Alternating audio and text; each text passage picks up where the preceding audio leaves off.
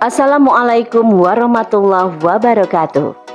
Sahabat podcast Narasi Pos Media, kembali lagi bersama saya, Yeni, dalam rubrik Opini.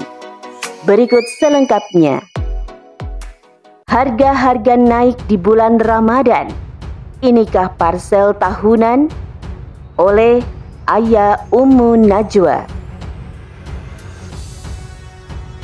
Ramadan baru berjalan beberapa hari, namun harga kebutuhan pokok sudah naik mendahului. Ramadan datang harga pangan pun naik menjulang. Ungkapan ini tak berlebihan sebagai satire atas fenomena tahunan tanpa solusi yang terjadi di negeri ini. Jika parsel lebaran senantiasa ditunggu, sebaliknya kenaikan harga pangan menjelang lebaran tak pernah ditunggu, namun selalu datang mengganggu. Di awal April ini, Dikala masyarakat sedang bersuka cita menyambut bulan puasa, pemerintah malah begitu gencar menaikkan harga kebutuhan rakyat. Seperti dilansir dari laman liputan6.com, disampaikan langsung oleh Menteri Koordinator Bidang Kemaritiman dan Investasi saat ditemui ketika meninjau proyek LRT di Depo LRT Jabodebek Bekasi bahwa secara keseluruhan Pertamax, Pertalite, Premium, LPG 3 kilo itu bertahap jadi pemerintah melakukan penaikan harga 1 April, lalu Juli, kemudian September. Naiknya itu bertahap. Masih dilansir dari liputan6.com, harga LPG hingga PPN akan ikut naik. PT Pertamina Patraniaga, subholding komersial and trading PT Pertamina Persero kembali akan menyesuaikan harga bagi LPG non subsidi sehingga saat ini dipatok dengan harga Rp15.500 per kilo. Kemudian kedelai dengan alasan terbesar bahwa gejolak inflasi yang terjadi di negeri importer terbesar yaitu Amerika Serikat yang mencapai angka inflasi menyentuh 7% pada 2021. Selain itu, daging sapi pun mengalami lonjakan harga hingga Rp165.000 per kilo. Minyak goreng dengan harga rata-rata Rp24.000 untuk minyak kemasan. Pertamax pun tak ketinggalan melakukan penyesuaian harga BBM RON 92 menjadi Rp12.500 per liter dari harga Rp9.000 per liter. Token listrik hingga baju lebaran pun mengalami kenaikan karena pemerintah telah secara resmi menaikkan PPN menjadi 11% per 1 April 2022. Hal ini pun mau tidak mau mengakibatkan kenaikan bagi sejumlah harga barang dari token listrik, pulsa, hingga baju lebaran. Selain hal-hal di atas, bahan pokok pangan pun mengalami kenaikan hampir tiga minggu terakhir. Dari gula pasir, telur, daging ayam, hingga tepung terigu. Misalnya di Pasar Besar Kota Malang, harga gula pasir mengalami kenaikan dari Rp13.000 per kilo menjadi Rp13.500 per kilo. Telur pun ikut naik dari Rp20.000 menjadi Rp23.000. Tepung terigu dari Rp9.000 menjadi Rp9.500 per kilo. Tak hanya di Malang, Jawa Timur, di Denpasar pun bawang merah naik dari yang semula Rp40.000 menjadi Rp55.370.000 per kilo. Lonjakan harga ayam potong terhitung sejak menjelang Ramadan juga mengalami kenaikan.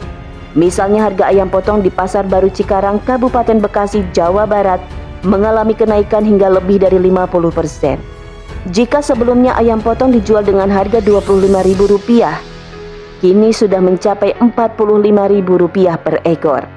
Sebelumnya dalam diskusi virtual, Kepala Pusat Ketersediaan Pangan dan Kerawanan Pangan Badan Ketahanan Pangan Andriko Noto Susanto mengatakan, untuk mengantisipasi kenaikan harga yang melonjak drastis Pihaknya terus memonitor agar sampai Idul Fitri harga-harga tidak semakin melonjak. Dia menjelaskan pada dasarnya tiap tahun tren harga barang pokok hampir sama. Yang membedakan hanyalah delta harganya. Kenaikan harga ini tentu sangat memprihatinkan. Ini dikarenakan kondisi ekonomi rakyat makin sulit. Apalagi peningkatan harga ini dibarengi dengan naiknya harga bahan pokok lainnya yang tak menutup kemungkinan lonjakan harga pangan ini akan menyebabkan semakin rendahnya daya beli masyarakat. Kenaikan harga pangan menjelang Ramadan selalu menjadi momok tersendiri bagi masyarakat. Seakan telah dipaksa menjadi tradisi, masyarakat dibuat biasa dengan keadaan ini. sementara negara hanya melakukan upaya praktis dan pragmatis dalam mengantisipasi kenaikan harga pangan seperti operasi pasar. Upaya ini nyatanya tidak mampu mengurai problem karena jauh dari akar masalah. Pada dasarnya, harga pangan yang melonjak hingga sulit dijangkau rakyat berpangkal dari lemahnya fungsi negara dalam mengatur sektor pertanian pangan akibat dari paradigma kapitalisme neoliberal. Sistem ini telah memandulkan peran pemerintah yang tidak lebih dari sekedar regulator dan fasilitator bukan sebagai penanggung jawab urusan rakyat. Pengelolaan dan pemenuhan kebutuhan rakyat justru diserahkan kepada korporasi yang hanya mengejar keuntungan semata. Berbagai kebijakan yang dibuat pemerintah malah memfasilitasi masuknya para pemodal dalam bisnis kebutuhan asasi ini.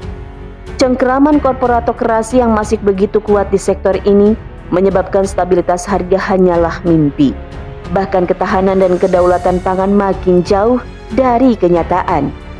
Penguasaan korporasi pada aspek produksi menyebabkan mayoritas stok pangan berada di tangan swasta dan bukan dalam kendali negara.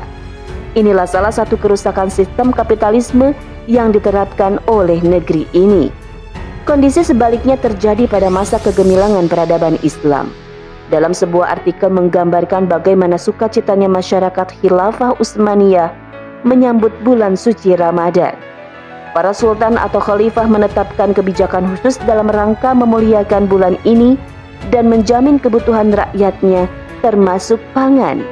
Menjelang Ramadan, sultan akan memerintahkan pembentukan lembaga khusus untuk memantau makanan yang beredar di pasar dan mengatur harganya.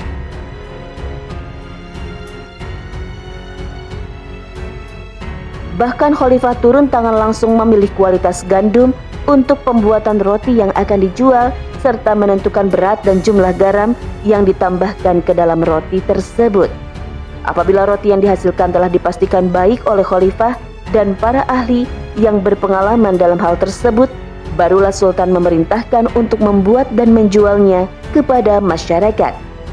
Ini hanya salah satu fakta yang menunjukkan tanggung jawab khilafah dalam menjamin ketersediaan pangan bagi masyarakat dengan harga terjangkau, khususnya saat menyambut dan selama bulan Ramadan. Sedangkan di luar Ramadan, stabilitas harga pangan tetap menjadi perhatian penting khilafah.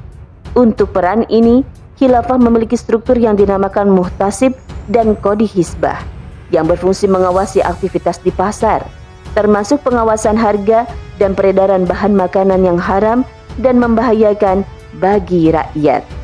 Pada masa Rasulullah Shallallahu Alaihi Wasallam, beliau sendiri yang melakukan pengawasan di pasar-pasar dan mencegah terjadinya kecurangan dan praktik-praktik kotor lainnya. Beliau pun pernah mengangkat Sya'ad bin Said al-Qash sebagai mutasib atau pengawas pasar di Mekah. Hal ini terus berlangsung hingga masa Khulafaur Rasyidin dan para khalifah setelahnya. Pada masa pemerintahan Khilafah Umayyah, fungsi ini bahkan sudah melembaga dalam suatu badan yang disebut Amil As-Su' atau petugas pasar. Salah satu wewenangnya adalah menyelesaikan pelanggaran yang terjadi di pasar dengan segera.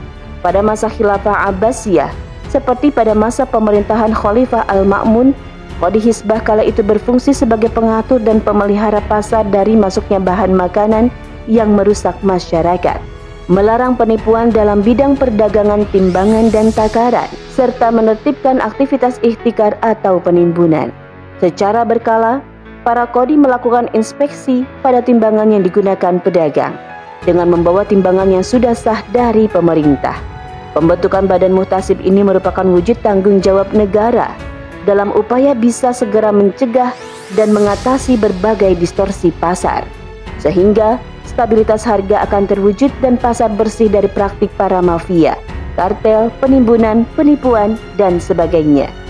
Oleh karena itu, Sungguh kedaulatan pangan tak akan terwujud dalam sistem yang hanya mementingkan nafsu segelintir orang, yaitu sistem kapitalisme, dan malah hanya akan menjadi parsel pahit setiap lebaran bagi umat.